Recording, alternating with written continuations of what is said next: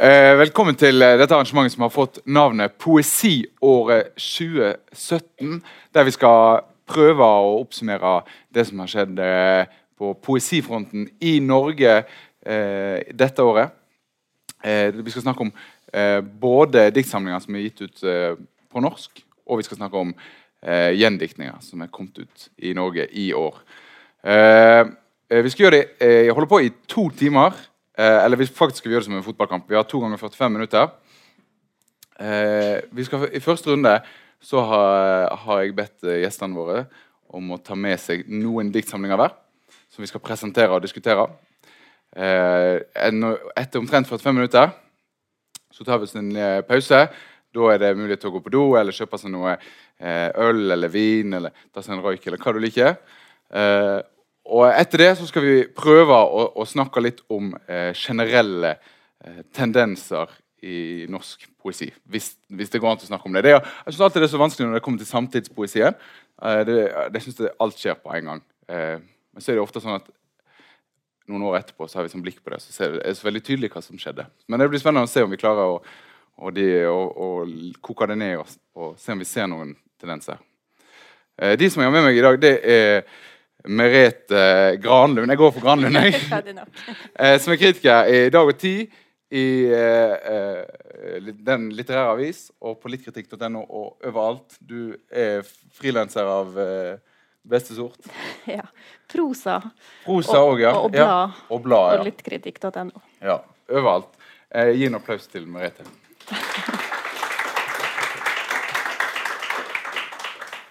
Så har vi med oss eh, ikke kritiker, men poet Kristian Heggernes. Eh, som i tillegg til å, å være poet sjøl òg sitter i Det litterære råd, som innebærer at han eh, må lese alle bøker som kommer ut på norsk i løpet av et år. Jeg, jeg vet ikke om jeg tror på at det er mulig, men, men det skal vi snakke litt om etter hvert. Gi en applaus til Kristian Heggernes. Og til slutt så har vi med oss eh, eh, Karina eh, Bedari, som er kritiker i Morgenbladet, og som mange sikkert kjenner fra eh, et arrangement her på huset som heter Kritisk kvartett, der det eh, er det en gang i måneden. Nei, det er vel to ganger i halvåret. Ja, Men det føles som en gang i måneden. Iblant så samler vi en del kritikere her på scenen, og så snakker de om eh, nye bokutgivelser. Og der er Karina fast medlem i det, i det arrangementet. og gi en stor applaus til Karina.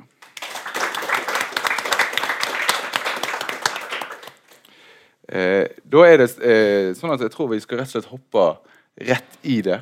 Og Da har jeg lyst til å begynne med deg, eh, Merete. Og så eh, vil jeg at du skal presentere den første av de bøkene som, som du har tatt med deg i kveld.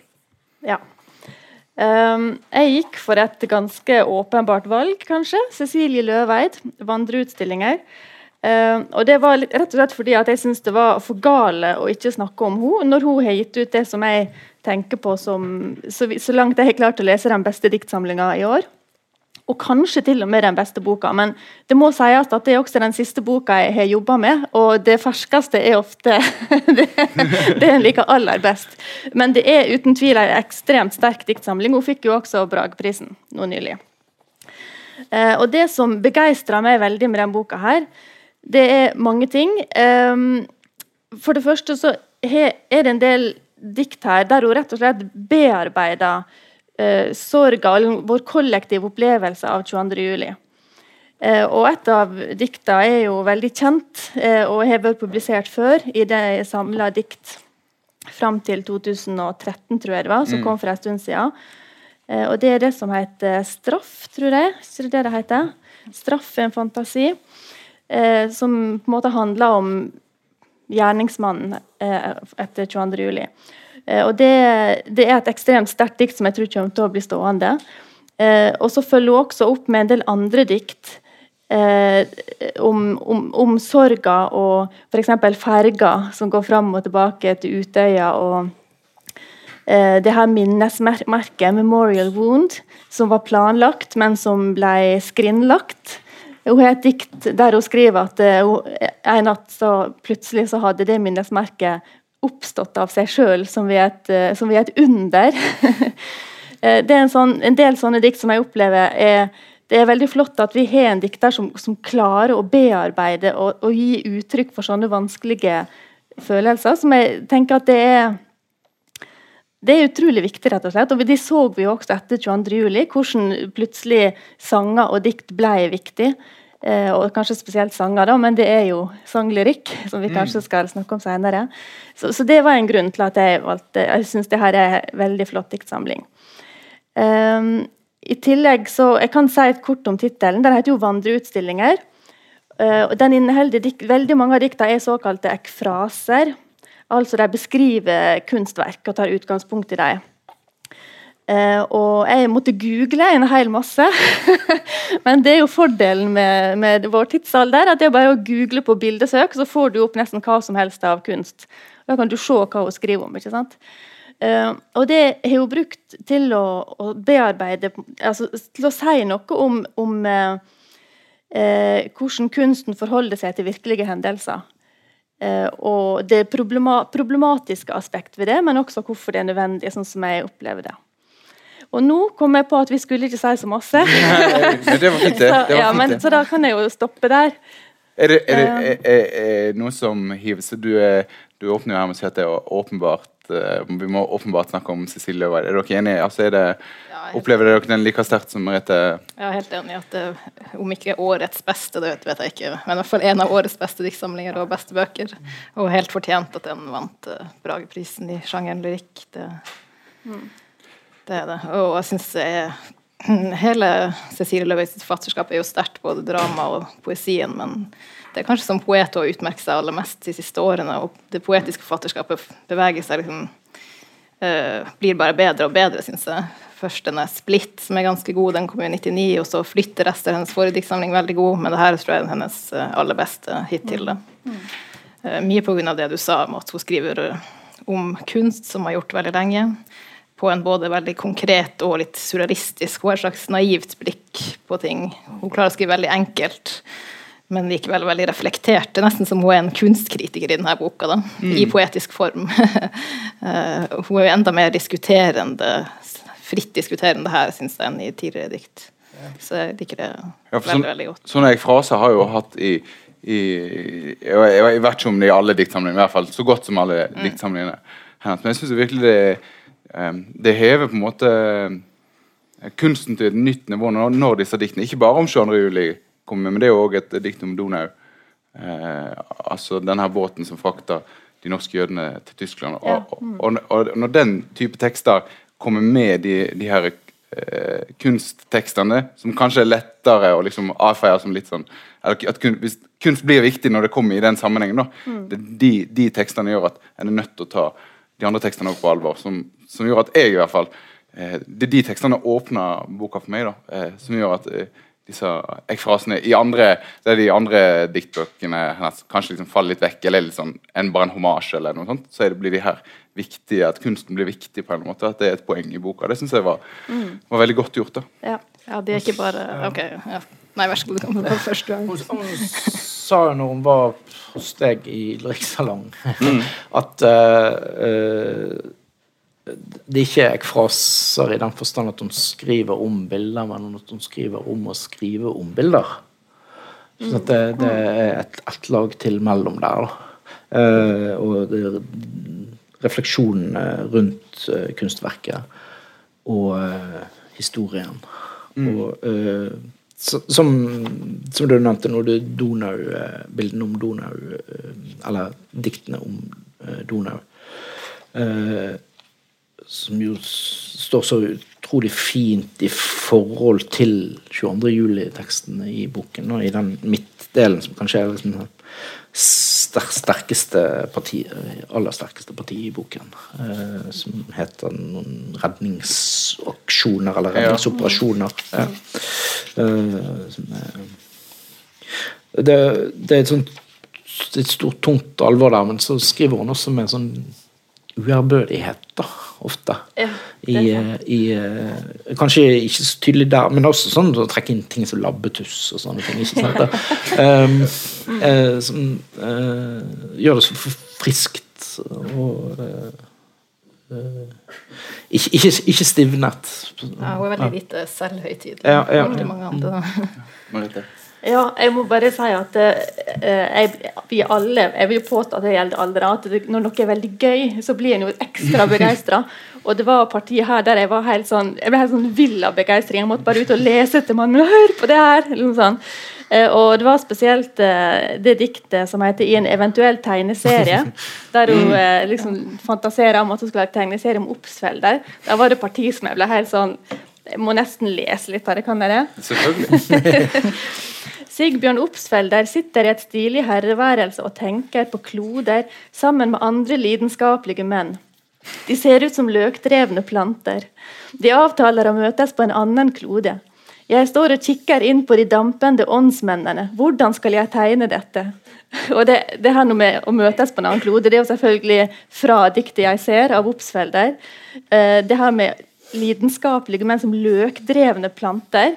Det husker jeg, det er et dikt i en eldre diktsamling der hun snakker om menn i dress som står der som gress. Altså helt sånn, Alle er like. ikke sant? Mm. Mens her kom det med løkdrevne planter, som jeg synes er et fantastisk bilde. Men spesielt det med dampende åndsmenn. Da så jeg for meg åndsmenn som var så fulle av seg sjøl at det bare dampen står, liksom. Men så skjønte jeg jo at det kanskje de satt og røyka, da. At det var litt mer prosaisk. Men uansett bare kjente jeg at yes, går alltid for det mest, eh, mest fantasifulle. ja. Men altså, hun er veldig, hun er veldig sarkastisk og, og, veldig skarp. Det er mange dikt her som er ganske krass kritikk, der hun liksom pirker litt i en i idol. da og det her med idealisering, det føler jeg, eller ikonisering, kanskje, det, det er noe som veldig mange av dikta tar opp. Mm. Uh, og det syns jeg er, det er noe av det som gjør henne så bra. At hun har både veldig bred appell, men også veldig skarp brodd. Og hun er aktuell og politisk. Så det er liksom så mange dimensjoner her. Nei, Helt enig. hun treffer på så mye, og det virker som hun bare lar stemmen sin liksom går, da. Og så, og så, dukker de riktige ordene opp. på en måte. Nesten, det virker så uanstrengt, eh, nesten noen av diktene. da. Ja, og så er det så ja. velkomponert samtidig. da. Jeg synes ja. Det er utrolig fascinerende. Ja. Altså, hun sa i takketalen sin på Brageprisen at uh, hun hadde slitt uh, noe forferdelig med denne diktsamlinga. Mm. Men det er jo tegnet på at det er vellykka, at det virker uanstrengt. ikke sant? Det er jo aldri uanstrengt hvis det virker uanstrengt. Det er bare en har jobba grusomt mye med det. Ja. Jeg tror vi skal eh, gå videre til, til, til, neste bok. Jeg tror vi kan være enige om at Cecilie Løvaid den anbefaler vi alle sammen. Eh, og det, det er kjekt å begynne yes. på et sånn positiv eh, note. Og så er jeg spent på hva du har med deg, Kristian. Ja, jeg er litt usikker på hvem jeg skal ta først. Jeg slengte meg veldig raskt på og bestemte meg for at jeg skulle snakke om jeg fikk to, så skulle jeg snakke om to diktsamlinger som er felles at de skal av fysikere jeg, jeg fetisjerer fysikk ganske hardt, da. um, og um, de, de, har også det til felles at de er skrevet av uh, lyrikere som er tilbake etter å ha vært borte uh, fra bokmarkedet veldig lenge. Uh, Mor Rom av Geir Halnes, uh, den som forholder seg mest tydelig til fysikken som gren. da. han kom ut med denne i år, ti år etter at han uh, ga ut sin første, ro, første, bok 'Hils hvis du ser meg', i 2007. Uh, eh, så han har uh, vært stille lenge og jobbet med partikler og sånt, antagelig. og her skriver han frem universets historie på en måte fra det Big Bang og inn i det veldig sånn partikulære i det enkelte livet, da. Um, så uh, Hun begynner med to ord. Et dikt som er bare to ord. 'Ingenting'. 'Glipper'. Som en, en perfekt beskrivelse av Big Bang. Uh, det er det som teknisk sett skjer, da. Uh, så bruker han også et, et sånt begrep fra fysikken fi, som er den uh, greske bokstaven fi, uh, som er en slags betegnelse for alle mulighetene som fins i et hendelsesforløp. Uh, det som skjer, er at dette kollapser, som i kvantefysikk, til én mulighet. da. Som eh, Skal vi se Det det er Morangelen, tenkte jeg. Skal vi se Eh, Der han vel første gang på en måte bringer inn seg sjøl, da. Fi kollapser til en rangle, en hånd, til bevegelsen av hånden mot ranglen. kollapser til et jeg som beveger hånden mot ranglen. Jeg er en fortelling, jeg begynner slik. Og eh, så blir det Diktene blir gradvis lengre, kanskje, sånn gjennomsnittlig sett. Og eh, går lenger inn i eh, vanlig i, i, Lenger bort, bort fra, det, bort fra den kvantefysiske åpningen. Da. Eh, men eh, det er en utrolig fin beskrivelse av verden og muligheter og umuligheter. Eh, og eh, jeg er veldig glad for at han kom tilbake med denne boken, og at han er med i, med i poesien. Dette er en veldig fin bok å dykke ned i, altså. Eh, Og ja, inneholder kanskje en del Han inneholder ikke så mange vanskelige begreper som kanskje eh, mange, mange kunne frykte. Da. Jeg må, jeg må, si, jeg må si det En ting Jeg å google når jeg leser Cecilie Løvaert, men når jeg skal google et gresk tegn som jeg ikke vet hva heter, det er vanskelig. Ja, ja, det Jeg fant ut det til Ja, ja. ja, ja. ja eh, jeg spurte Geir om det da jeg var på uh, slippfesten for boken hans. Jeg må innrømme jeg bare satsa på at du skulle forklare det, og det gjorde du. Ja. Så, Eh, I motsetning til, eh, til eh, Cecilie Løveis sin bok, så er jo dette en bok som har eh, mer eller mindre gått under radaren for de fleste. Eh, I hvert fall er Det er mitt inntrykk. Ja, jeg kan ikke huske om jeg har sett noen anmeldelser av han. Eh, det, Det, det tror ikke jeg jeg har lest. ja, ja. Eh, Hvordan Ja. opplevde dere den boka? ja, du vet du hva, Jeg, jeg syns det var kjempefint at du tok med den, fordi jeg fikk eh, den her i posten og las henne, og hadde egentlig lyst til å Jeg spurte om jeg kunne få lov å anmelde henne, faktisk, men jeg ble bedt om å prioritere noe annet. Og det syns jeg egentlig er litt dumt når jeg nå har lest henne igjen, fordi jeg syns hun er veldig, veldig fin. Den er jeg også litt sånn begeistra for og det å dra inn naturvitenskap og fysikk og eh, den måten han på en måte leker på en måte med begrepene her. da. Eh, sånn som eh, et av de første dikta, nummer seks. Alle, alle dikta er nummererte. Der står 'Materien etterlater et hull i ingenting'. begynner det med. Og det er sånn, det er sånn, Ja, det liker jeg å tenke, for hvis ingenting det er et helt ingenting, så er jo det ødelagt med en gang det oppstår. Samme hva, liksom. Han skriver veldig mye om ingenting. Ja, og en del sånne og, og han, den er gjennomkomponert. altså Ting som er, er i starten her, det blir tatt igjen mot slutten.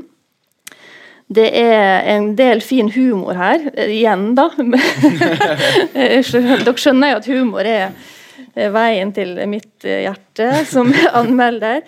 Eh, Blant annet for eksempel, så Langt om lenge så kjører man jo til forelskelse og det å stifte familie og sånn. Eh, og et dikt som begynner med 'forelskelsen var svært usannsynlig', og så slutter med 'i en universell engangsforeteelse der det måtte bli oss' og aldri vil finnes empirisk støtte for noe annet. altså Den måten her å ta inn sånn vitenskapelig begrep, det syns jeg er det, jeg har veldig sansen for. Så det er veldig god leseropplevelse. Karina, hvordan opplevde du den? Nei, litt mer negativ. Eh, jeg syns ikke at han har noe særlig spesielt egenartet poetisk språk. Jeg syns det er mye klisjeer, og at det å ta inn eh, vitenskap på den måten han gjør, også kan være litt sånn måte å få det mer poetisk på, eller hva man skal si det. Eh, så eh, jeg falt ikke for det. Jeg Ble litt skuffet, egentlig, for jeg har lest den debuten hans for ti år siden. Syns at den var ganske lovende og god, da. Men syns at dette var verre. ja. Eh, det, Ok, er han minner er- meg liksom mer om andre typer diktere som ikke også kanskje Markus Midre, litt den stilen å skrive. Eh, mens andre som har tatt inn vitenskap, som Tone Hødnebø og Stueland, syns jeg har gjort det på mer interessante måter. Da. Jeg leser det på en måte som en bok som jeg tenkte hva er det den sier? Og det jeg fikk ut av at den sa, det var litt sånn menneske enlig lite i et stor, stort verdensrom, liksom. Ikke så mye mer, egentlig. Eller jeg fant ikke så mye mer der. Mm. Så, ja. Nei, nei, du, nei men, men hvordan, hva tenker du at den handler om, hvis jeg skal si det sånn? Uh, nei, ikke at vi er en liten del av det. Men Men ikke, ikke, ikke, ikke, med- ikke, ikke, ikke med hovedvekt på, på, på liten, men på, på del. At vi er en del av det. Altså, uh, altså at uh, hjernen er en uh, konsekvens av naturloven og, og sånne ting. Eh, Men altså, jeg tenker at poenget her er på en måte ikke hva det handler om. Altså at det handler om Big Bang. og sånn. Jeg tenker mer at det er den leiken med begreper. da. Jeg, og så, Men Blir det ikke litt fikst, den leken? da? jo, det kan du godt si, men jeg tenker så lenge jeg har glede av det, så kan ikke, kan ikke si at det er et objektivt kriterium på at det er bra. Men, men jeg liker altså det er, veldig, det er et veldig nedstrippa språk. Eh, og det, om det, var, det kan ikke ha vært mange klisjeer her. Eller det er på en måte et språk som er så enkelt at det er, altså det er nesten dagligspråk. Det er ikke veldig mange metaforer, så vidt jeg kan huske og har lagt merke Nei, men til. til og med det liksom. som Men- du leste i sted, det syns jeg er litt klisjéfullt. Sånn, Tiden er det dette tar. Veldig sånn eh, poetisk klisjé. Altså, tid, rom, jeg, et lite Ja. hjerte, bla, bla, bla. Altså, det er Ja. veldig mange sånne store, kat abstrakte kategorier. Da, Ja, liksom det er bare det at det, når, når det er begrepet tid og rom og ingenting han faktisk tar for seg, så, så må han jo bruke det, på en måte. Så eh, jeg, jeg opplevde ikke det som plagsomt i det hele tatt, fordi det er jo ikke svulstig eller Nei, ikke på den. Tid- Nei, det vil jeg ikke Tiden det tar, er jo såpass nært normalspråk at du må være lov å si det, på en måte. Så, men eh, igjen, det er jo selvfølgelig smak og behag. Men jeg hadde veldig glede av den måten han leker med, med begreper på. Da. Det er en jeg oppfatter det som en filosofisk samling, egentlig. Ja da, det tror jeg det er intendert. Jeg må, jeg må si jeg havner et, et sted mellom uh, dere to eh, her, kanskje. Jeg synes uh, eh, Når jeg leste den, så tenkte jeg at det er noe uforløst her. da For jeg syns absolutt det er, liksom, det er noe uh, potensial her. Og jeg, jeg syns han, han har tenkt ut en fin struktur. Eh, eh, og så syns jeg de yt- ytterpunktene i boka òg, for så vidt. Liksom når, det, når det er for lite som skjer, eller når det er for konkret og for smått, de, er litt kjedelige, kanskje. Så er det litt, eh, litt spenning omtrent midt i boka, når han er liksom sånn i den her eh, overgangsfasen mellom de to eh, bildene. Eh, Ja, det du leste opp eh, om når liksom, den kraften kommer til han, det er jo fint, eksempel. Ja. Så jeg synes absolutt det, det er fine ting her, og det er mye mm. potensial. Eh, og så blir jeg litt sånn Jeg er nesten litt sånn skuffa når jeg kommer helt til slutten, egentlig. Ja. Eh, da- og med det tror jeg vi skal gå videre til, til neste bok, eh, Karina. Eh, ja. Ikke sikkert alle liker den, da. Da. Eh, jeg valgte av de to å snakke om en gjendiktning fra svensk. Anne Gjedelund. Det er Gunstein Bakke og Gunnar Wærnes som har gjendikta. Boka heter 'Mørker, mørke, mørkt krystaller'. Gjedelund er født i 1955. Boka kom i 1994, var hennes femte diktsamling. Hun har gitt ut fem til. Hun er en av de mest eh, berømte og mest innflytelsesrike poetene i Sverige. Men å lese henne, det er egentlig mer eller mindre synonymt med å ta farvel til alt hverdagsspråk og vanlig grammatikk. Du kommer inn i en eh, helt annen tilstand og et språk der klang og et veldig fragmentert uttrykk der klang og rytme er ja, mye mer meningsbærende enn ordens betydning. Eh, Denne boka er skrevet i en veldig streng form og rytme. Det er fire trokeer etter hverandre, altså tung, lett, rytmisk. Eh, Det må ha bydd på en god del problemer for oversetterne, tror jeg. De har brukt mange år på det, så vidt jeg skjønte, selv om det er fra svensk. Eh, Selv om boka da er veldig lydlig, så er det et slags hendelsesforløp her. Den følger årets gang fra vinter til vinter, tror jeg det. Eh, Mye ting er litt sånn vanskelig å avgjøre. Det er et jeg i den, men eller den personen kommer bare frem i små glimt, og så går hun hele tiden så tett på verden rundt seg at ting går, glir over i hverandre. Det er en geit der, det er en, kanskje går andre mennesker, vann brukes mye, trær, natur. ja. Eh, Så hele tiden sånn små forskyvninger i perspektivet. Men grunnen til at jeg valgte å ta den med, det er at uh, hun er en poet som har betydd veldig mye for meg når jeg begynte å lese dikt, og som kanskje lærte meg at det å lese dikt Du trenger ikke bestandig å forstå alt, du trenger ikke å lese etter meninga nødvendigvis. Uh, det kan også være å komme inn i en annen tilstand og liksom oppleve hva språket kan gjøre, da, på en helt annen måte. Uh, og når Gjedlund debuterte som poet i Sverige, så oppstod det ja, det var på 80-tallet en sånn debatt rundt akkurat det her om ting om diktene var forståelige eller ikke. En rekke mannlige kritikere var veldig kritiske, men etter hvert har hun fått en høy stjerne. Da. Uh, hun har nok også, Måten hennes å skrive på har nok også inspirert veldig mange yngre svenske og også norske poeter. Ja, jeg vet ikke hva dere fikk ut av det, om dere kjente til Gjedlund? Mm. Ja, jeg, jeg har vel lest den på svensk en gang i tiden.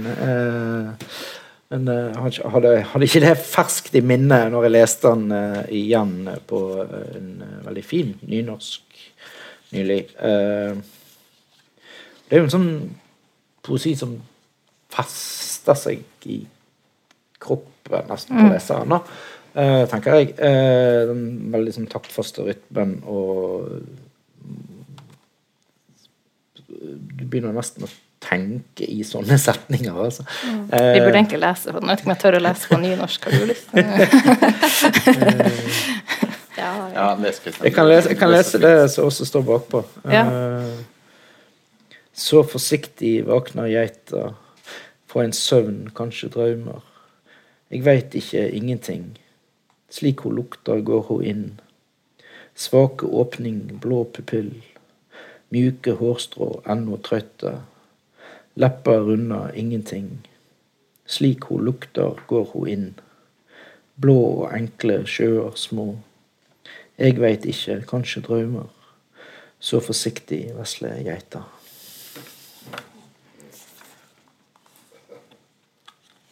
Det er fin eh, sekvens, og det, det, er så, mm. Eh, det er så eh, konsekvent og gjennomført også.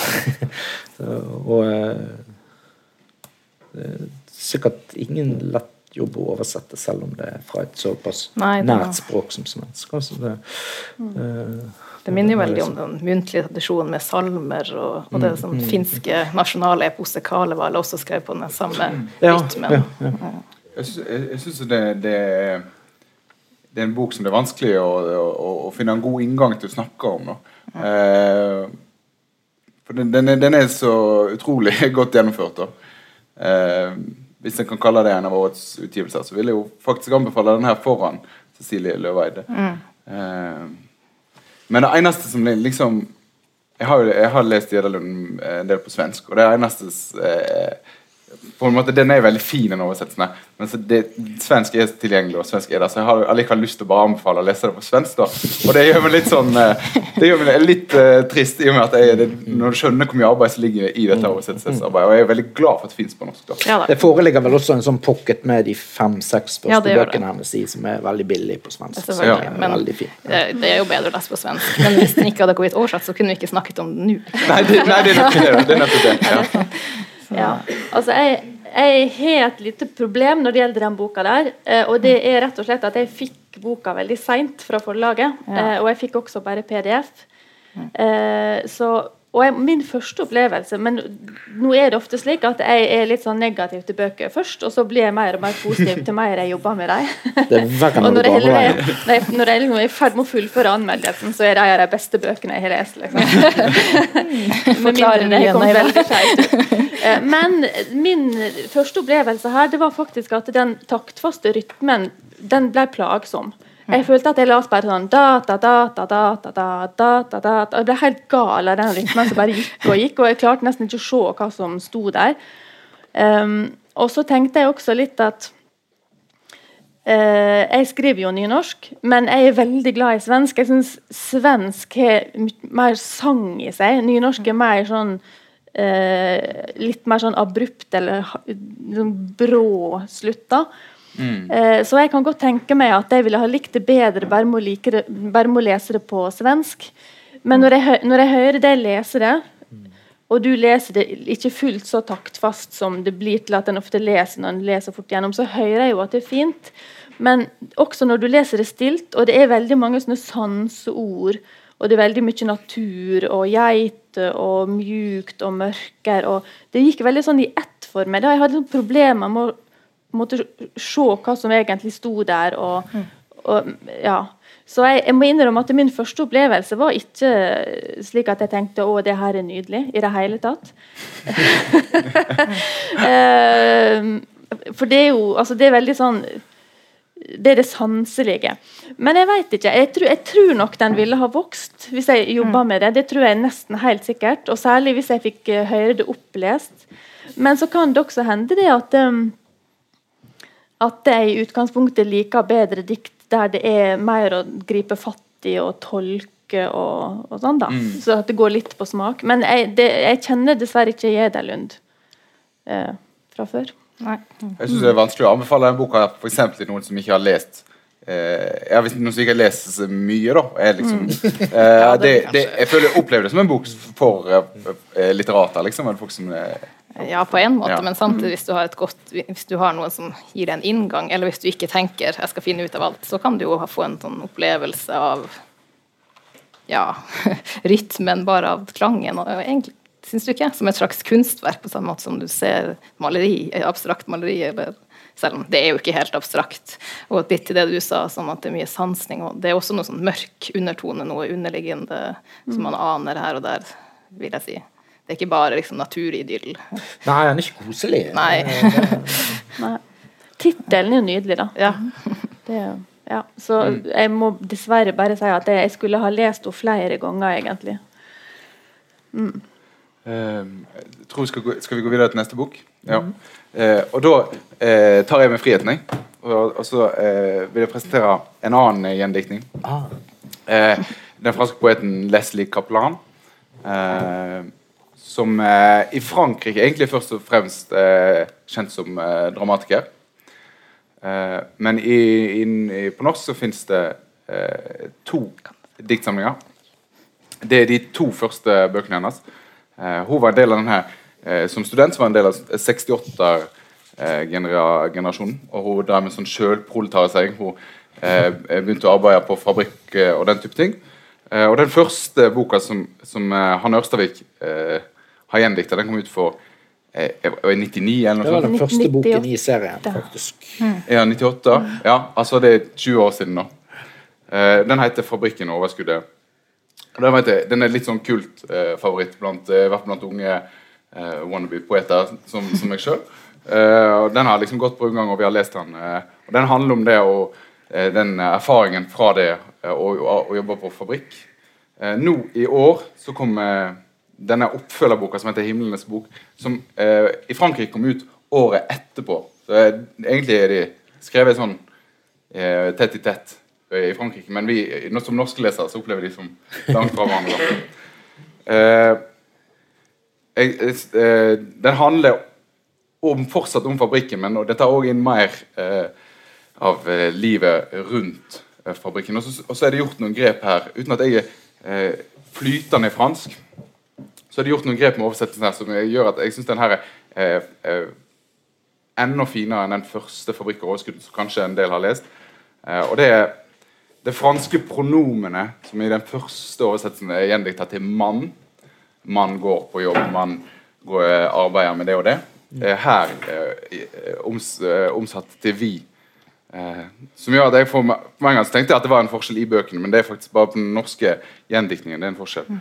Eh, som gjør at jeg får en helt annen nærhet til eh, de tingene som hun skriver om i, i denne boka her. Eh, og så er det veldig, veldig sånn, det er nesten som å se en film. tenkte jeg når jeg leste denne boka her. Det er sånn scenisk eh, Litt sånn Arthouse-filmaktige dikter.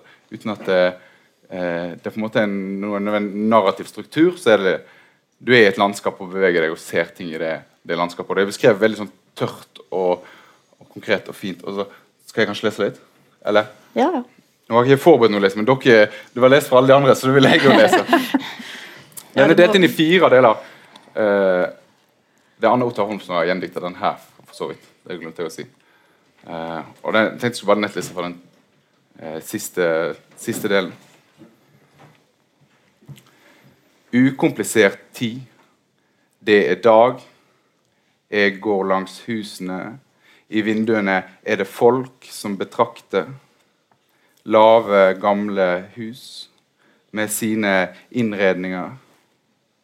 Der inne kan jeg se møblene og hekledukene, maleriene. Lufta er rolig, vridd ut av ledd. Det er et nabolag uten proporsjoner. Særlig husveggene gjør inntrykk. Store, tjukke steinvegger, varmen fra de. Gatene er så vidt tilstrekkelige. Erstatninger, skulle en si. Babytunnel, liten, sylinderforma spiss, en bro. Over små, trykka skyer, en uskyld. Trær, en port, og på bakken vannet. Jeg nærmer meg de kryssende broene i nærheten av tunnelen. Veikryss, avkjøringer og husveggene dekka av papp.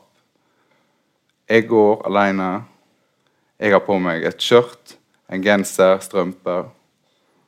Rett ovenfor veien store bygninger med hengende markiser. Tunnelen og veien og all den pappen klistra opp. Iblant en sandhaug sprukket opp av sola. Jeg liker godt. Og så er Det sånn, det høres jo litt sånn tørt og, og vanskelig ut, men utrolig så fint å beskrive både arbeid og, og romantikk og alt mulig i det språket. Jeg synes det er utrolig fascinerende. Jeg blir helt sånn eh, jeg begynner å skrive Facebook-meldinger på den måten her etter han har lest. liksom. Men jeg vet ikke hva inntrykk hadde dere av eh, den boka? Eh, jeg må innrømme at jeg ikke har lest noe sånt og bla litt i den, men jeg har lest den forrige hennes, og det er jo ganske nært tett forbundet. Da. Så, Ja, som sagt, De kommer rett, ut rett etter hverandre. Jeg er helt enig i det du sier om den utrolig saklige fremstillingen, at det, at det oppstår noe veldig vakkert ut av det. da. Eh, Men så har den jo også en ganske sånn politisk dimensjon, egentlig, med beskrivelse av arbeidet og en klasseforståelse som ikke liksom ja, Hun sier aldri det opp eksplisitt, men ja, det handler jo også om det. Ja, jeg ser jo det er selvproletarisерings... eh, Jeg sier selv og ikke sjøl. I, I prosjektet i, i eh, Ser liksom det er reflektert i teksten. da. Eh, Og eh, noe litt sånn reportasjeaktig på en måte. Uh, ut, uten, uten, ikke ment negativt. Uh, og uh, Men, men Det er fascinerende med den tørrheten i språket, på en måte. Som jeg sånn, kanskje personlig liker at ting er litt mer inderlig. Så eh, vipper det med det, altså. Eh, Det ligger en veldig oppmerksomhet i det. da. ja, ja da. Jeg, jeg, jeg, veldig mye, fokuser- og det er veldig visuelt, som, som Fredrik sa også. Det, jeg, tenkte, altså det var flere ganger som å se film, filmscener. Svart-hvitt, helt klart. da. Nei, nei, det var det ikke for meg. Eh, Men jeg syns det er, er noe fascinerende med språket når det er den tørrheten og alt det der som vi snakker om, at de de kjedelige setningene. Men, og så er det blitt beskrevet som metaforløst, har jeg sett i anmeldelser. Men jeg syns jo tvert imot da, at det viser liksom at eh, språk, i hvert fall i bok og i diktform, altså det klarer bare ikke å la være å bli symbolikk eller bli metafor. eller selv Uansett hvor tørt du gjør det, da, så blir det så oppheva. Det er ikke noe politikk i den boka. Altså, men jeg klarer ikke la være å legge det i de setningene fordi de handler om de tingene. og det er skrevet på den måten. Og jeg synes Det er utrolig fascinerende. Altså, det stiger opp på en måte som språket ikke prøver å, å være noe annet enn en tørt, men det, det må bli noe annet allikevel. Ja, altså det, det er en veldig spesiell form som en må på en måte lese seg litt inn i for å komme inn i stemninga. Uh, og det, det, det politiske er, I den grad det er der, så er det veldig sånn altså veldig Bare små, små hint. Eh, og i den samlinga her så var det jo bare så vidt. Altså, det er snakk om at eh, en arbeider på fabrikk, men det er jo bare så vidt du skjønner når hun er inni en fabrikk, og når hun går ut igjen. Altså, eh, og, så er det jo en mann som slår eh, hos Eller dikterjeget, da. Men det, er også, liksom, det er ikke gjort noe poeng av. Det er bare liksom så vidt beskrevet. Eh, så jeg, jeg, synes det er litt sånn Jeg vet ikke helt hvordan jeg skal lese det, men jeg kommer definitivt inn i stemninga, og mer og mer etter hvert som jeg, som jeg leser bakover. Men for meg så er det også ganske Det forklarer en del, for det er ikke så veldig lenge siden jeg begynte å anmelde poesi. Veldig lenge så anmeldte jeg bare romaner og noveller. Jeg skrev om poesi eh, da jeg tok utdannelsen min, og begynte med det en stund, men så hadde jeg en lang pause. Og jeg ser jo det at veldig mye av den unge poesien som er veldig konkret, den antagelig er inspirert av sånn som hun, eh, som tilhører fransk eh, nypoesi, eller altså, i Frankrike er det jo både nyroman og nypoesi, som nettopp er det her metaforløse eh, der en bare skildrer verden sånn som den er. Eh, og altså metafor, Hvis du definerer det som en sammenligning så begynner med som, altså et ansikt som en blomst, så er det vel ikke metaforer her. Men du får en slags ladning. Altså når du leser det. Ja, det tenker jeg i hvert fall, Ja, absolutt, da. Ja. Så eh, jeg, synes, jeg, jeg skjønner hvorfor folk er fascinerte, men det er ikke sånn som uten videre. Det, det er liksom ikke helt, det treffer ikke meg helt hjemme heller. Men det kan nok hende at det er en såkalt acquired taste. da, At det må jobbe seg litt. Det er Jeg, jeg ser jo liksom eh, jeg, jeg, jeg tror faktisk ikke jeg leste den forrige boken uh, når den kom i den serien for mange år siden. Og, eh, og jeg har jo alltid vært klar over at eh, mange er veldig opptatt av den boken. Og, eh, og når jeg nå leste denne, så ser jeg jo på en måte avtrykket av det i, uh, blant en del kollegaer. Eh, og eh, det, var, det var en interessant opplevelse. Men eh, Men det var det største opplevelsen? Nei, nei, nei, nei for all del. For all, for all, for all del. Eh, eh, Fant noen plagiat, Men, men, eh, ja. men ja, jeg ser linjer, da. Det er fint. Ja, jeg skulle bare si at Lærerikt. eh, når alt liksom, føles skrelt vekk, så kan man jo legge mye Da åpnes det opp for alt man kan legge i det, da. Mm. Uh, og en annen ting at uh, ja, hun, hun er jo fransk, men jeg tenker ikke på hun som så typisk av de her franske poetene som f.eks. audiatur har vært veldig opptatt av. Da er det mer handler om språk, på en måte. Her er det jo mer handler om verden og ja. Mm, Mm. samtidig som jeg blir språkbevisst. Ja da, ja. så, ja. Eh, nå har vi kommet til gjennom akkurat halvparten av de bøkene som vi har forberedt. Eh, og det skulle vi være ferdig med. Ja. Eh, det, det er faktisk eh, pause. Vi, vi skal eh, snakke litt om tendenser, og, og vi åpner også for spørsmål i, i neste eh, avdeling. Eh, og vi må kanskje ta opp noen av de bøkene som vi ikke har snakket om òg ennå. Det er så mye vi skal ha tid til på de Men de 45 det minuttene der, de blir bra, altså. Der, der, der får vi tid så masse. Eh, men nå er det klokka kvart på, og det betyr at det er pause fram til eh, klokka er åtte. Eh, så gå gjerne i baren og kjøp deg noe, eller gå inn på boksalongen nede. for Der er alle bøkene vi har snakket om, til salgs. Og de som vi ikke har snakket om ennå, er òg til salgs. Ja. Så ses vi om et kvarter.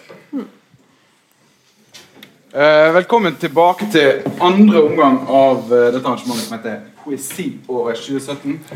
eh, der vi gjennomgår året som har gått på poesifronten. Og, jeg, og I sted så trakk vi fram eh, mange bøker som vi likte, og som er bra.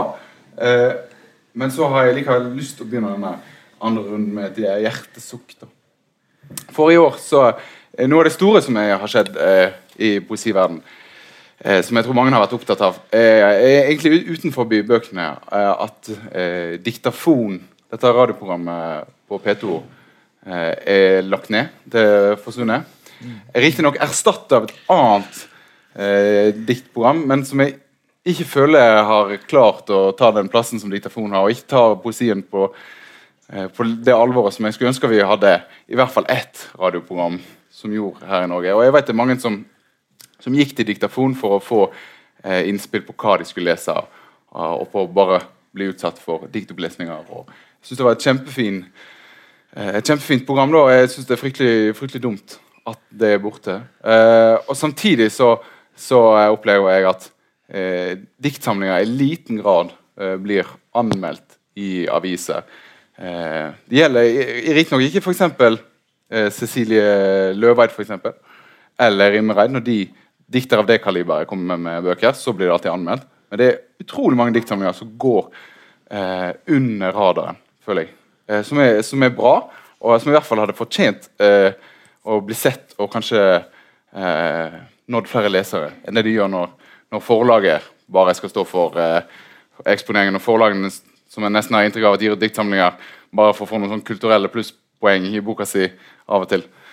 Eh, så, jeg, så jeg sitter og lurer på det. Er det noen, er det noen som leser dikt, eller er vi, er vi for dårlige i Norge på, på, eh, på eh, å vise fram den diktningen som er? Eh, er det for lite anmeldelser? Det, hva, hva, tenker dere? Og jeg er litt, litt, spent på de maktstrukturene som er dere som anmelder for aviser. Altså, I hva grad blir han oppfordra til å anmelde diktsamlinger? Mm. Eh, jeg vet ikke om det er noen som har lyst til å bare hive seg på? Jeg. Ja, ja. Jeg, jeg, gjør gjerne det. Um, altså, det er et generelt problem, ikke bare for poesien, men for alle forfattere, at det er, det er veldig mange som ikke blir anmeldt. Og Der er det jo et misforhold mellom hvor mange som blir utgitt eh, med den innkjøpsordninga vi har, og at avisene og, og, eh, også NRK og andre kutter ned på anmeldelsene. Mm.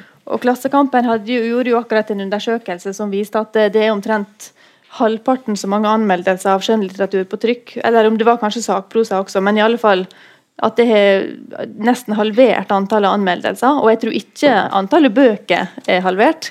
Så dermed så har vi et praktisk problem. Um, jeg veit ikke hvor mange som leser dikt, eh, men det jeg kan si, det er at det er jo noen dikt som plutselig har begynt å nå ut. da, Som er kanskje litt mer innenfor en slags populær sjanger. Eh, du har ei som heter Kristin Storusten, som har skrevet dikt som heter 'Barsel', om være, hvor tøft det kan være å være nybakt mor. Den har nå kommet i tredje opplag. Så har du Ida Lorén Ringdal, som har skrevet en bok som heter 'Dette skjer ikke', som er litt sånn 28 år og har ikke helt lyst til å bli voksen og er forelska og har kjærlighetssorg. Og, altså det er veldig, veldig lette og veldig lett tilgjengelig dikt med humor og sånn, som folk kjenner seg igjen i, som når ut det tror jeg. Um, men poesien har definitivt et problem. Uh, og jeg tror også litt av problemet ligger i viljen til å satse i redaksjonene. Uh, mener du forlagsredaksjonene? Nei, nå mener jeg avisredaksjonene. Ja. For eksempel, I min avis, Dag og Tid, der er det jo alltid en poesisamling som blir anmeldt men bare ei, og det er en fast som melder. Jeg spurte jo for flere år siden om jeg kunne få lov å begynne å anmelde dikt der, men da fikk jeg beskjed om at nei, det får ikke du, for vi skal ha én person som driver med det. Og det syns jeg er veldig dumt, fordi det er jo en berikelse å kunne lese flere sjangre. Eh, så det er den oppfatninga av at fordi folk ikke vil ha det, så skal vi heller ikke gi dem det, og så blir det en nedadgående spiral veldig fort.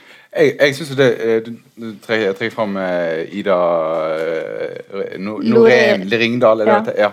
Uh, som jeg syns er en, en fin diktsamling. Og som jeg tenker litt på det spennet som var mellom oss i den forrige samtalen. Hva krever vi av en diktsamling? Om ja. det skal være mm. språkforskning eller skal det være historier og bilder? Altså. det er en masse dikt der ute nå. og kanskje først og fremst sånn som springer ut fra Flamme forlag eh, som er Jeg kaller det pop, da.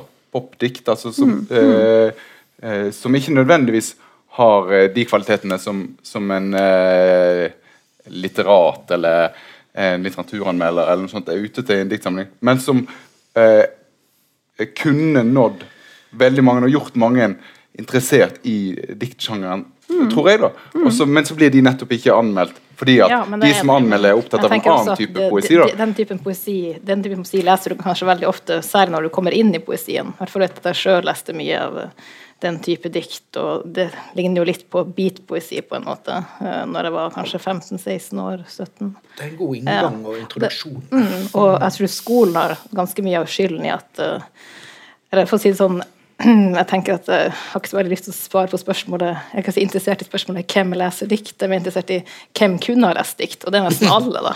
ja. tenker jeg, sant? Eh, men jeg tror at eh, den måten det blir undervist om i skolen, veldig sånn Nå skal vi finne ut symbolet, diktanalyse sånn, Det er for alvorlig. Det tar ikke noe hensyn til at det fins, akkurat som du sier, masse forskjellige undersjangre av dikt. Det finnes veldig referansetunge dikt som du må ha mye litterær bagasje for å lese, og det finnes helt enkelt uh, lett tilgjengelige dikt som alle kan lese og få noe ut av. Uh, og det kunne skolen i større grad tatt inn uh, i sin norskundervisning. Det finnes jo faktisk noen som har jobba for det. Det har kommet ut en bok tror det var i år på fagbokforlaget som heter 'Samtidslyrikk i klasserommet', mm. Mm. hvor Kjersti Rognes Solbu, jeg er ikke helt sikker på om det er riktig navn, men ja, hun er en annen som er gitt ut, da, som har masse type opplegg man kan bruke i klasserommet, og som bruker samtidige diktere, ikke bare Olav H. Hauge og ja, ikke sant. Ja, de har vel en sånn parole som 'diktanalyse er kult'. Eller ja. noe sånt også. Der. ja, da, da blir det nok et gjennombrudd. ja, ja, så bare sier det. Jo, men jeg tror skolen har veldig mye å si for uh, folkets holdning til dikt. Da. Ja. Ja, men, men også, Er ikke det litt, enk, ja. litt enkelt svar? Eller, ja. Jo, jo, men du har jo også disse her altså Du har jo uh, Ruth Lillegraven og disse her lange fortellende dikta som, som har jo blitt litt utskjelt av en del uh, mer uh, si, smalere poeter, men som tross alt når et stort publikum. Eh, så jeg tenker at det er en stor styrke at det finnes en stor bredde. Altså, det finnes jo ekstremt mange typer forskjellige dikt for tida. Du har liksom alt fra, fra haiku-dikt om uh, den japanske skihopperen Noriaki til uh, ting som ligner mer på veldig kortfatta romaner. Mm. Så det, det, er jo veldig mye Jeg er selvfølgelig enig i at det er et problem samtidig at, at få dikt har blitt anmeldt. men da er det jo sånn, ok, poesien er under press, men kritikken er jo også under press. Nå har vi en kulturminister ja, som mener at uh, skal, ingen skal komme her og fortelle hva som er god og dårlig kultur, og ut med kritikken omtrent. Uh, er det noe som, som du opplever uh, som anmelder? At du får den type tilbakemeldinger? Eller? Nei, kulturministeren vår har sagt det. ja, men, ja, men, det er ikke noe som altså, smitter over på ditt arbeid? Eller, Nei, ikke, det gjør det ikke, for jeg er jo inne i en nisjeavis, og Morgenbladet anmelder jo også diktsamlinger. Og jeg får lov til å merke jo selvfølgelig litt fra min redaksjon at jeg får ikke lov til å kun skrive om diktsamlinger. Det får jeg nok ikke. Mm. Men uh, ja, jeg syns de er likevel ganske døråpen på at jeg får skrive en Vanskeligere i Aftenposten ja, eller de store regionsavisene. Dagsavisene er verre. Sånn. Ja. Nå er det jo vi som er på poetlaget her, Kristian. Eh, Hvordan opplever du det? Altså, jeg jeg syns det er fantastisk å se eh, Vi snakket i fjor på dette arrangementet snakket om Ingvild Lote, f.eks. Mm.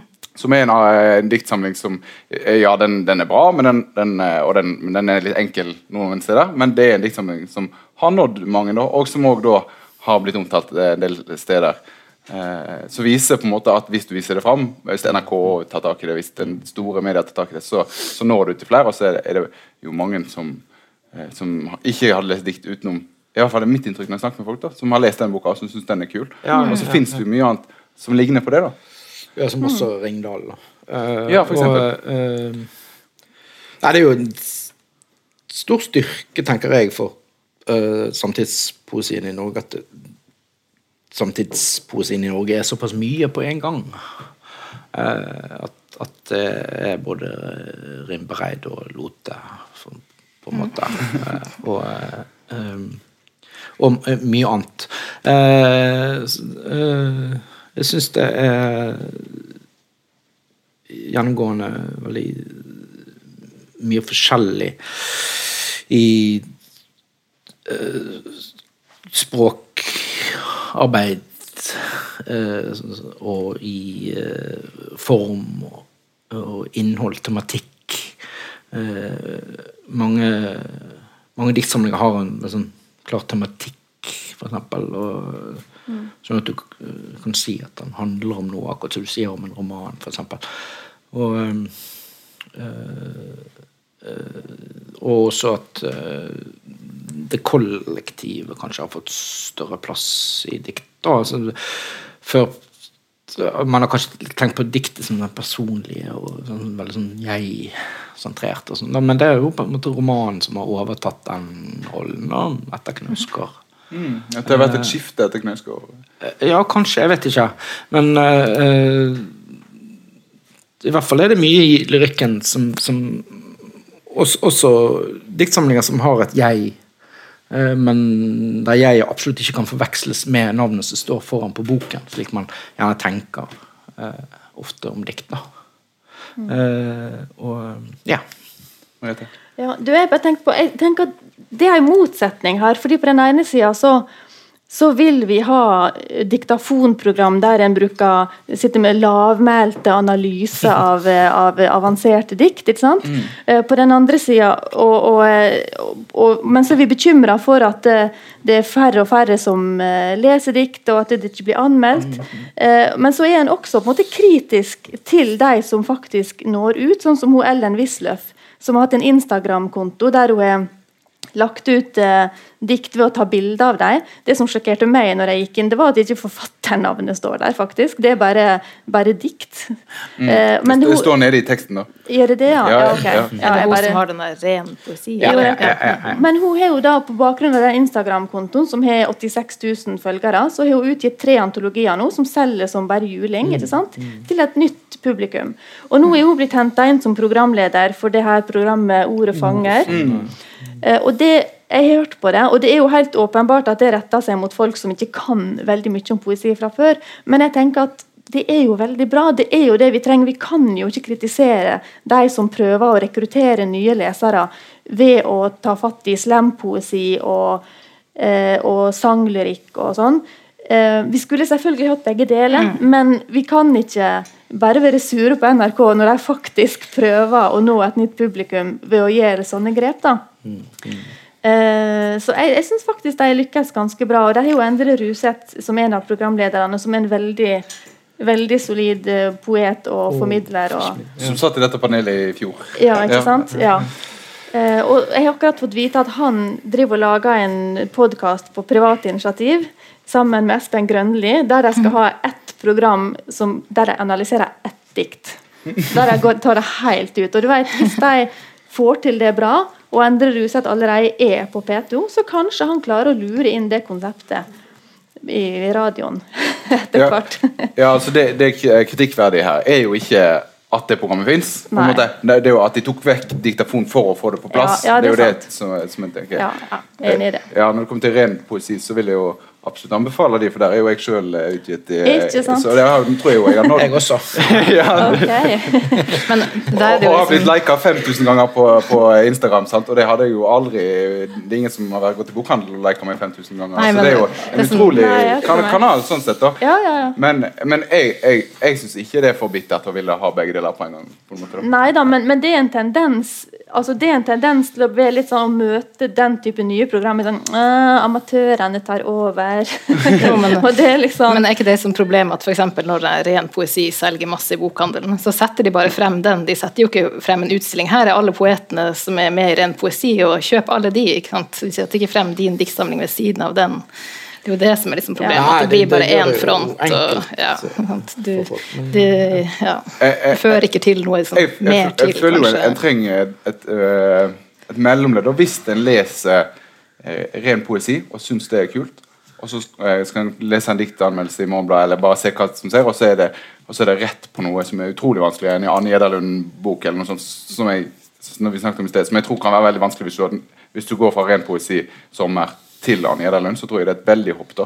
Ja, ja, Eh, men det kan jo gå, til- et, eh, det kan jo gå til din bok neste, liksom. Jeg kan, jeg kan anbefale det, da. Ja, da kan, da kan jeg gå og kjøpe blad. Ja, det er de ja. er veldig tilgjengelige. Tror jeg. Uh, ja, ok, ja, så kanskje det fins Kanskje det finnes nok forsøk blant mediene. At det bare ikke blir plukka opp blant publikum. Kan det være det som er problemet? At det faktisk ikke er noen interesse? At det, at det er vi som sitter her og syns det er så utrolig rått med at det er så variert og det er så mye bra som skjer, og så er det egentlig ikke noe interesse blant folk? Ja, vi, vi, vi er jo i en bransje der det er fryktelig mye syting og krisekapsinering, da.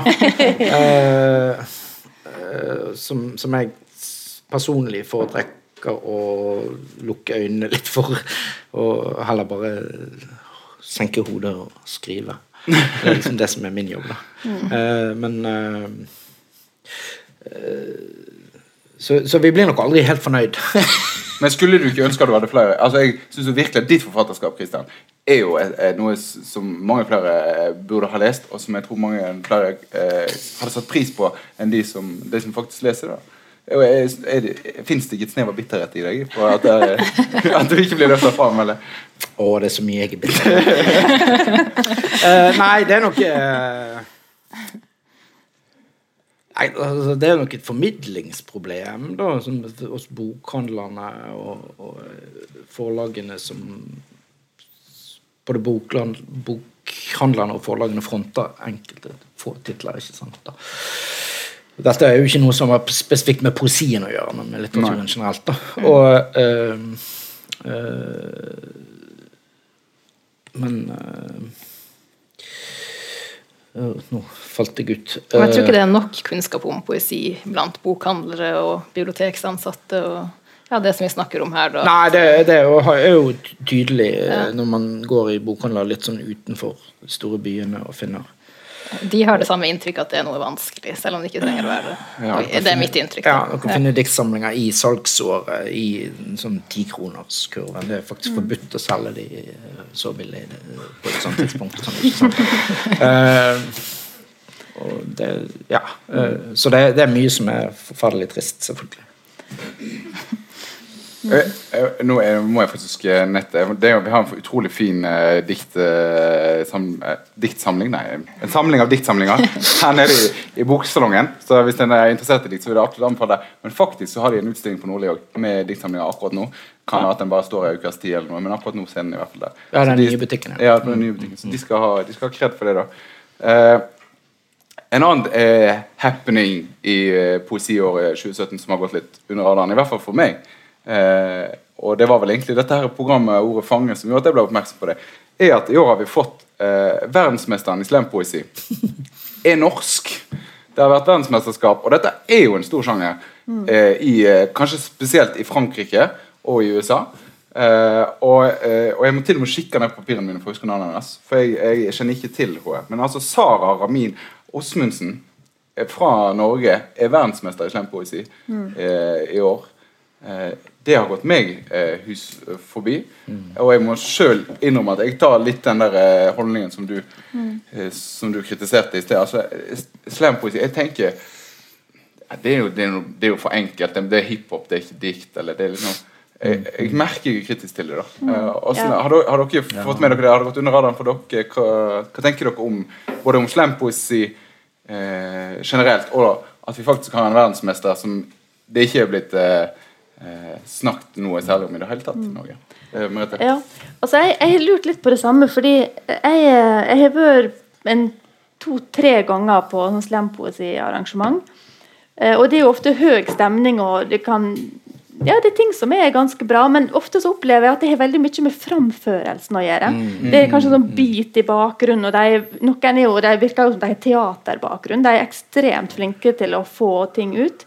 Men når jeg hørte det på radio, på det samme programmet som du hørte, Ordet fanger, så må jeg innrømme at jeg tenkte at det, det her er for ordrikt for meg. Det er, det er liksom så, det er så, er bare kjører på med masse ord og masse rim, og det er veldig patos og sånn. Eh, og så- men jeg syns likevel det er litt rart at jeg ikke liker det bedre, for jeg er faktisk veldig glad i rapp. Jeg syns det er veldig kult å høre på rapp, og litt for, på grunn av det rytmiske og sånn, så jeg burde ha litt slempoesi. Men så snakka jeg med noen om det i, bare for et par dager siden, at rappen er faktisk ganske ofte intrikat med sånn eh, måten det er bygd opp på. Eh, det er ikke bare at de har ut av seg lange remser med ord. Det er liksom mønster Jeg husker ikke eh, hvordan det var, men det er kanskje mer avansert, og det, og det er ekstremt rytmisk og ganske økonomisk også, tror jeg. faktisk. Så jeg, jeg mistenker at slampoesien er Det er litt uh, Den kunne kanskje ha vært kresnere, da.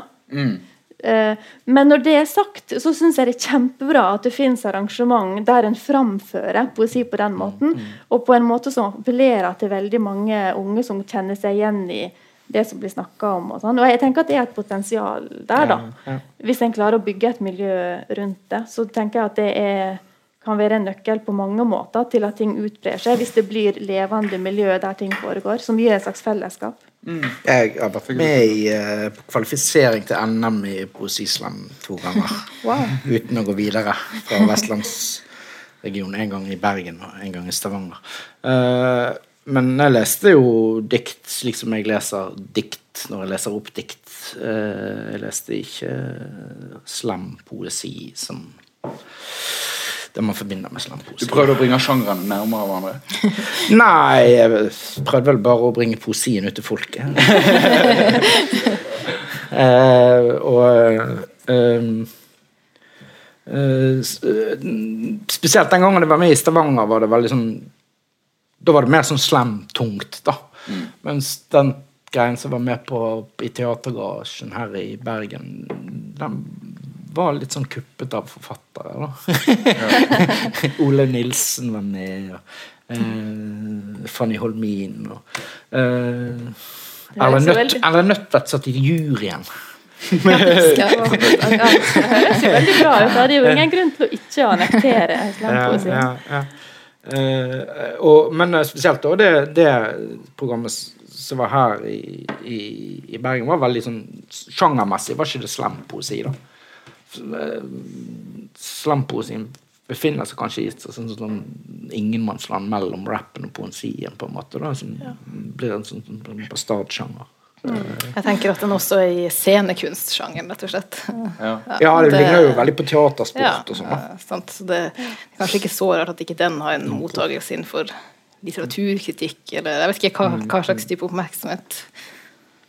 Eh, Jeg ser ikke for meg at jeg kunne skrevet om det, for eksempel. Jeg vet ikke hvor jeg skulle gjort det. Eller, liksom. Det er bare en annen sfære, da. Mm. Ja. Eh, Men jeg skulle jo tro at eh, Altså, Det er greit nok at sjangeren i seg sjøl liksom er i sin barndom, og at det er, er, er en del, sikkert en del enkle feil som blir gjort, og litt enkle tekster og den type ting. Det, sånn er det jo med alt som er nytt, på en måte. da. Eh, For du har fått noen virkelig etablerte som, som eh, har lagd president, president, altså president for hvordan det blir gjort på norsk. da. Men nå har vi jo en, en verdensmester. Jeg skulle tro at i hvert fall da, når det er en verdensmester, at det er et eller annet Og det eh, eh, Nå må vi satse på det, så må vi bygge flere poesislamhaller. Nei, men, ja, men jeg bare tenker Når, vi, når det vi liksom har den som eh, er best Eller var best i verden, i hvert fall den kvelden der ene i Paris, der verdensmesterskapet var, da. Eh, og det utgir seg for å være poesi, så eh, bør jeg i hvert fall få en eller annen respons, da. Men jeg, jeg, jeg var litt sånn Å ja. Å ja, det har skjedd, ja. Det har ikke jeg fått med meg. Jeg synes det, ja. Ja, men- Jeg må få lov å si noe der. Også. Vi har jo også en Jeg, jeg gjentar det for, for podkasten sin del eh, når jeg har mikrofon. Og da vil jeg at jeg skal ha et kort ja-nei-spørsmål fra, fra dere. Er det greit? Og lurer på, Er det, er, er det eh, det samme å sammenligne slampoesi med poesi som å sammenligne sjakk med poesi? Ja eller nei? Nei. Nei.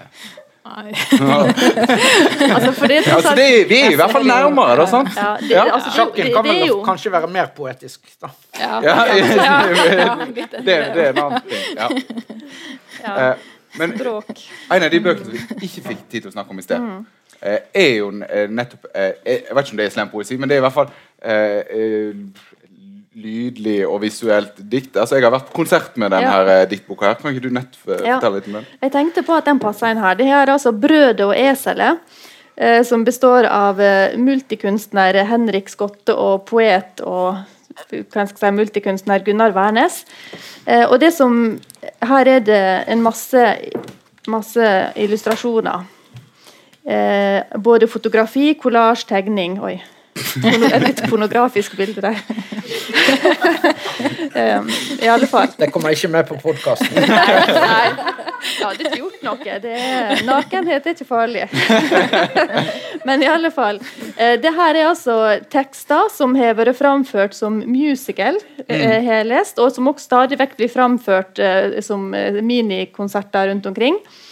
Eh, der de spiller sånn fingerorgel og eh, har masse elektroniske eh, greier. Men det, og det som jeg tenkte som ligner litt på slampoesi, det er jo det at de tenker helt åpenbart vi må få poesien ut til folket. Hvis ikke folket kommer til poesien, så må vi oppsøke uteplassene og framføre det.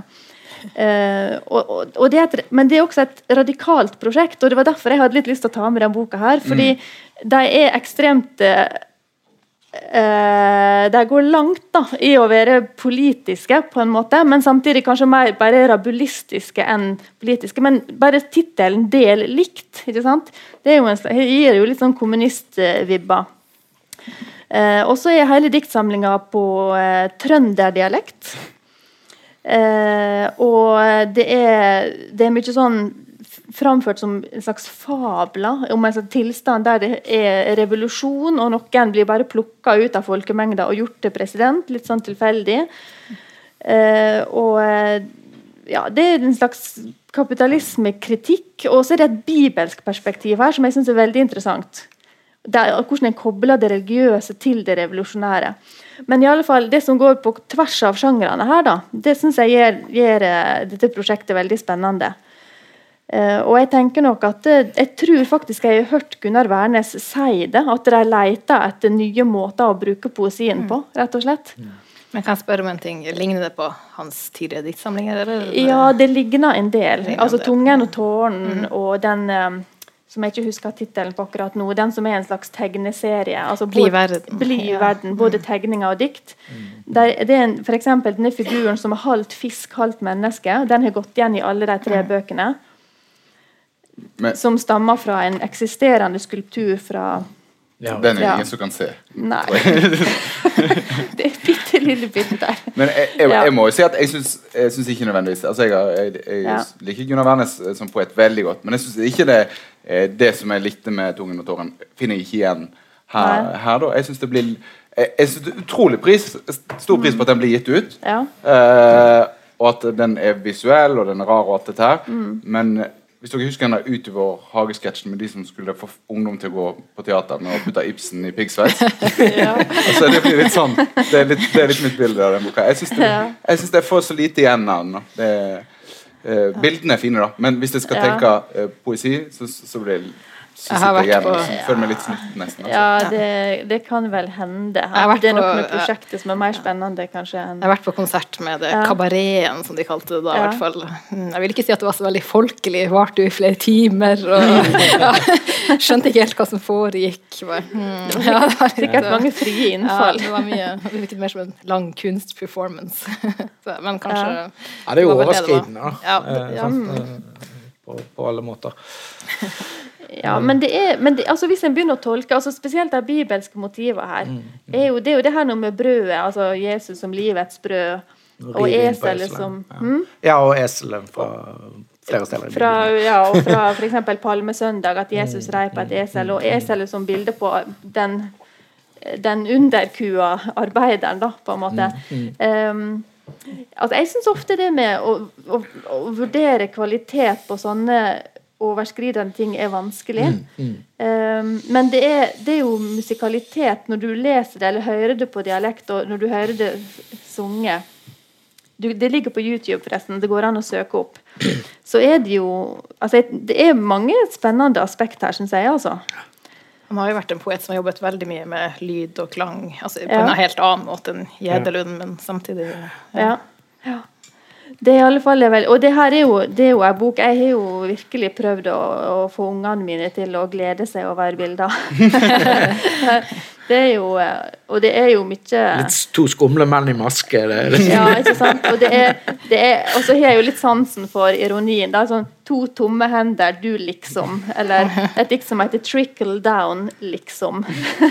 Den type litt sånn barnslig, kanskje. Ja, jeg, leste en, jeg leste en anmeldelse hvor det sto noe sånt som at det kanskje mer forståelig for barn enn for litterater. Ja, Jesus sier vi skal bli som barn igjen, så det er vel litt det de satser på. Ja, det var jo fint. Her også, antagelig. Og så er det busken, selvfølgelig, som er sentral. Busken. Den eh, busken den ser sånn ut. Jeg har hørt dem fra- holde konsert utkledd som busk, en av dem, Henrik Skotte. Og da er det selvfølgelig den brennende busken i Bibelen, som da er Guds manifestasjon. Og det står i et dikt altså buskbrannen som gjør eh, eh, folk til, nei, flokk til folk. Altså det å ha noe å samle seg rundt. Ikke sant? Religion og, og noe å kjempe for. Så det, det er en del sånne dimensjoner der som jeg syns er bra. da. Ja, takk for at du solgte den litt inn. Hvis vi ser på den, så kan vi i hvert fall ikke si at norsk poesi er for navlebeskuende. Nei. Det, det, er jo, det er jo dit vi skal. Det er dit vi skal. Uh, uh, for nå har vi snakket mye om, uh, om det som er utenfor eh, boka. Eh, og så tenkte jeg vi kunne si litt om det som er inni eh, boka. Da, hva eh, norske eh, diktsamlinger egentlig handler om.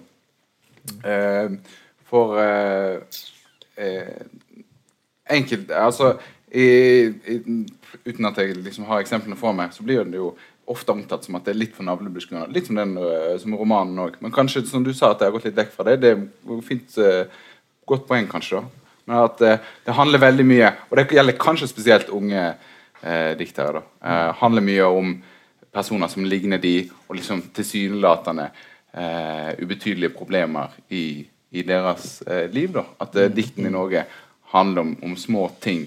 Eh, mens vi ser andre steder i Skandinavia eh, Kanskje det liksom tydeligste eksempelet er Yahya Hassan i Danmark. Men òg eh, at eh, vil jeg, jeg sier sikkert navnet er feil, men altså Athena Forokosad i, i Sverige, som er veldig sånn politiske eh, diktere. Eh, er det noe som vi, Og det føler jeg vi mangler litt her i Norge. altså Den politiske diktningen. Eh, hva tenker dere? altså De norske diktsamlingene, handler de om for, for like, forskjellige ting? Er det noe vi savner? Er det, noe, er det en poetisk stemme vi skulle ønske vi, vi hadde? For det første så tenker jeg at uh, Yahya Hassan og Athena Farrokhzad de skriver jo også om seg sjøl. Ja, og, Men det, ikke og det kommer til å. Ja, de er også minoritetsstemmer, eller hva vi skal kalle det. Ja, ja.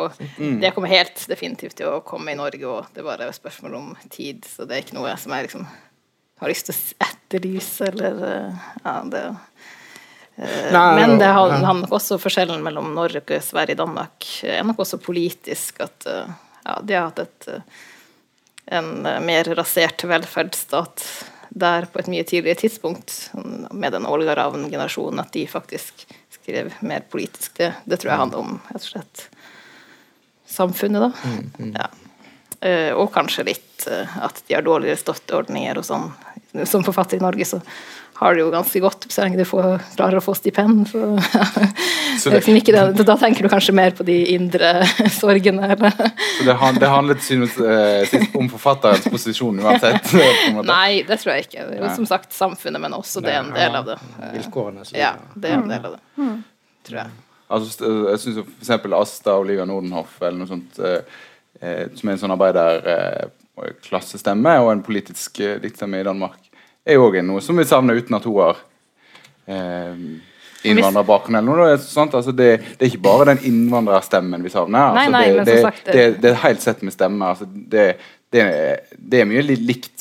Altså, de kommer fra like plasser. Ja, men de har hatt en mye mer høyrevridd regjering på et mye tidligere tidspunkt der med Anders Fogh Rasmussen og sånn. De har vokst opp med det, da, som var veldig fremmedfiendtlig og, og et hardere liv for de som er i arbeiderklassen i Danmark enn i Norge fra 80-tallet, 90-tallet.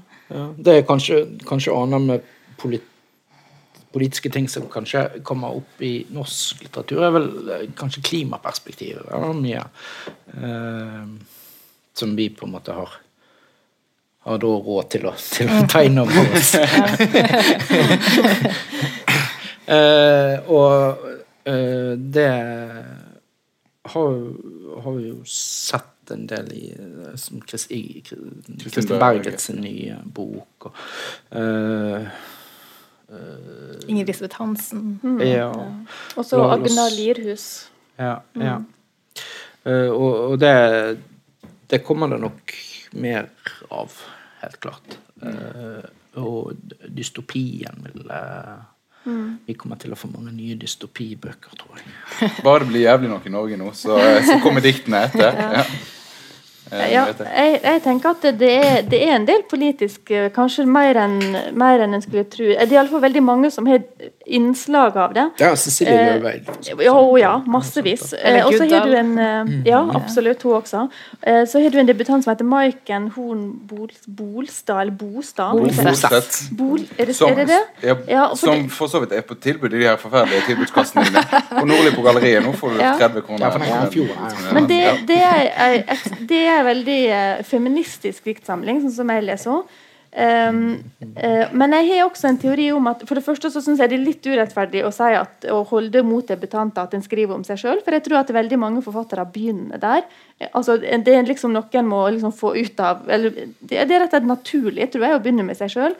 Og en kan også argumentere for at uh, for å bli et moralsk og politisk subjekt, så må en først finne ut av hvem en er og hvor en står. Altså hvor en, sitt eget forhold til verden. Eh, og så har jeg også en idé om at det, eh, det å skrive om seg sjøl og, og vektlegge den personlige opplevelsen, at det ikke nødvendigvis er politisk i seg sjøl, men at det kan være en start på å bli politisk. Altså at det på en måte, som jeg sa i stad, altså et, et nødvendig utgangspunkt. da. Dette er ikke noe jeg har sugd av eget bryst, altså, men jeg skal ikke begynne å komme med alle kildene her og nå.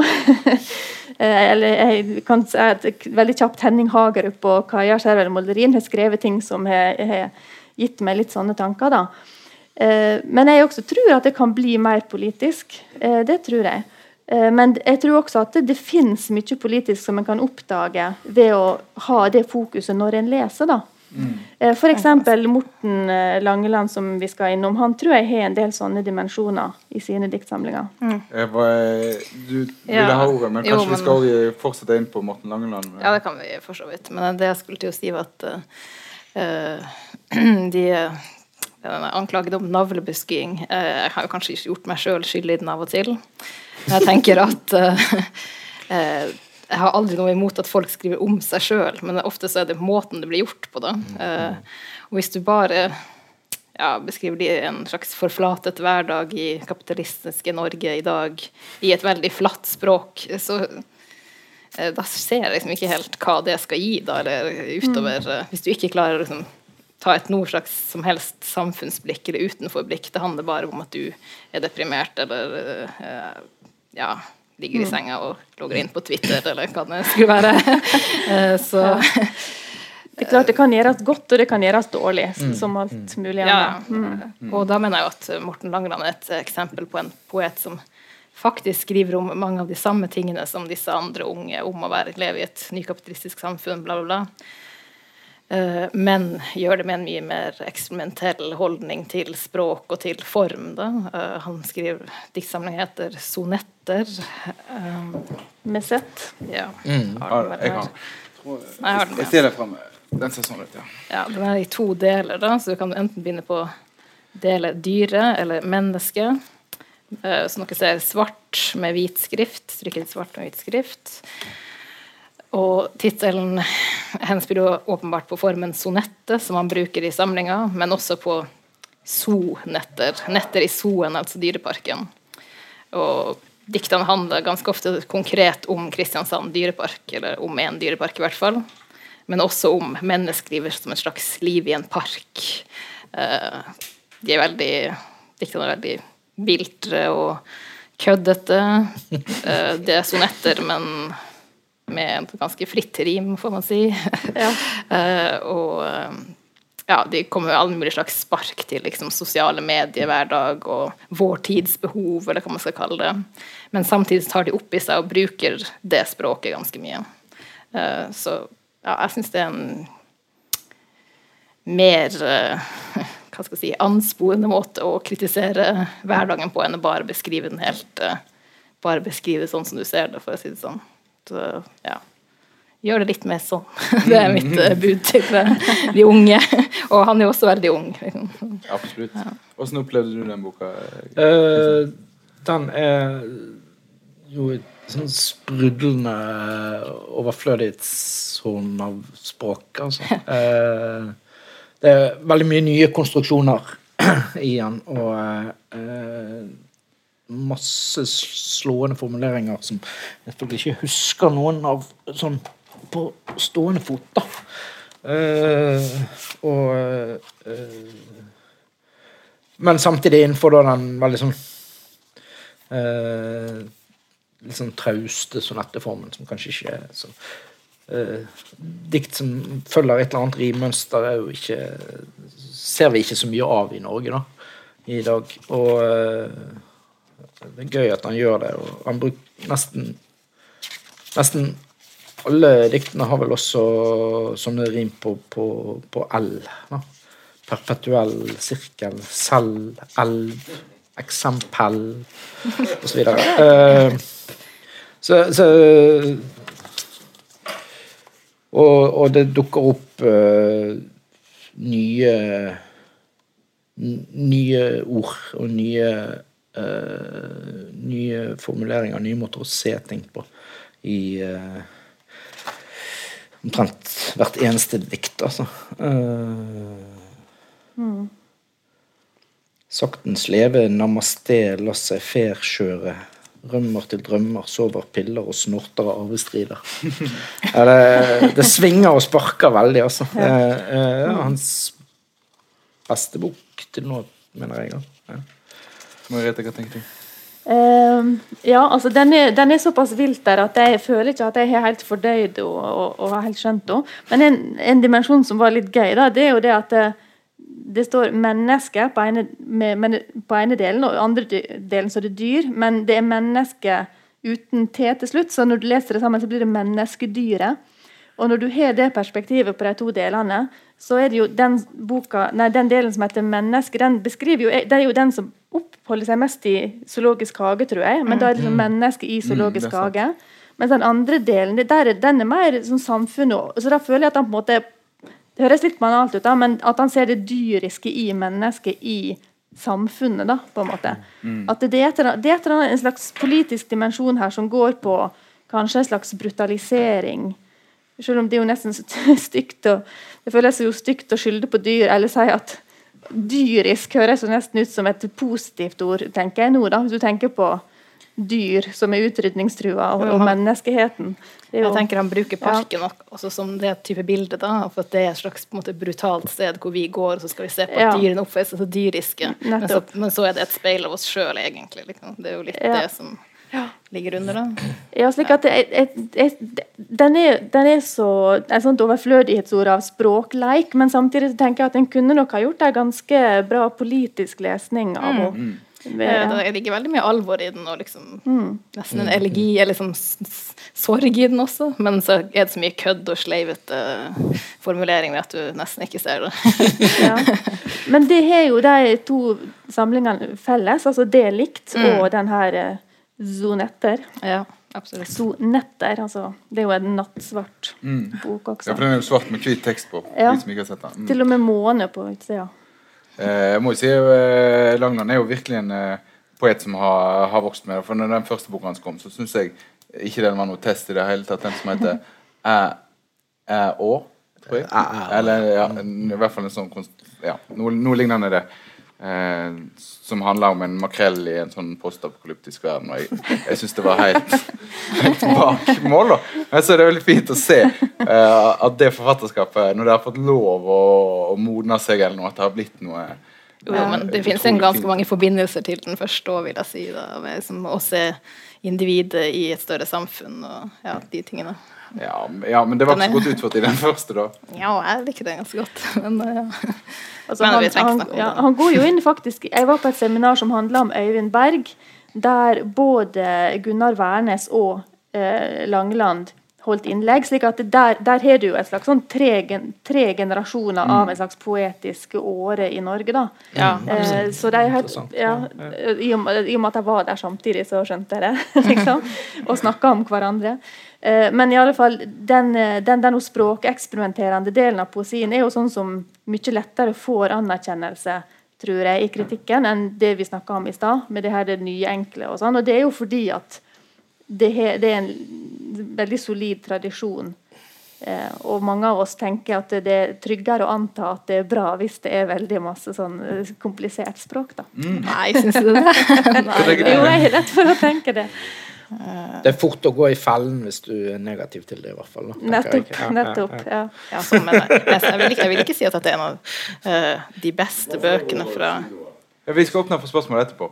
Ja. ja. jeg vil ikke si at dette er en av de beste bøkene fra i år. Liksom, og alt uh, dette er fantastisk, men uh, den viljen til å gå utenfor hverdagsspråket, da Jeg finner mer verdi i det, rett og slett, mm. som leser. så ja, jeg også har veldig lett for å Eller jeg er veldig svak for det. Det er jo personlig, det er ikke fordi at mm. det er kred eller noe sånt. Det er ikke det. Nei, da.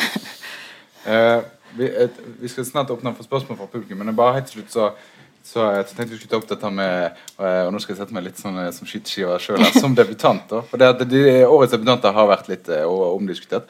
Eh, blant annet har Endre Ruseth, som vi har snakket om tidligere i dag, eh, sagt at eh, debutantene slipper eh, for lett gjennom. At eh, de bøkene eh, som debutantene Og nå er det snakk om diktdebutantene, altså. gir ut, ikke holder den kvaliteten som vi skal forvente. Så bare lurer jeg litt for dere som kritikere og, og for så vidt du som poet òg, hvordan forholder dere dere til den eh, uttalelsen? At dikt som diktdebutantene slipper for lett gjennom?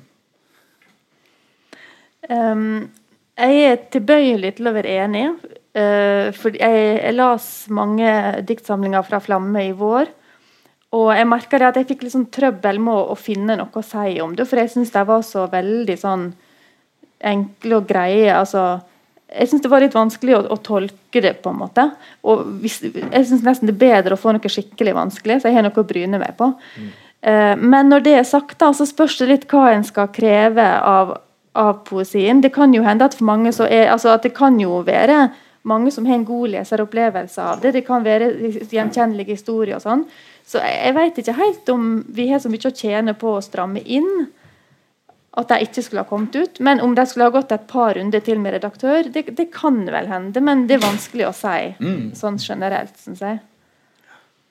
Ja, altså, i, som forfatter kunne du tenkt at de skulle stenge slusene nå og ikke slippe gjennom flere debutanter. Så, men, men, i prinsippet tenker jeg vel at det ikke kan komme for mange debutanter, sånn sett. Altså. Uh, uh, jeg tenker at uh,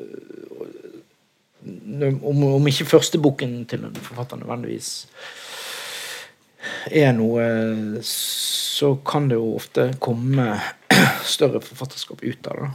Uh, og det ikke alle debuter som kan være brakdebuter heller, på en måte.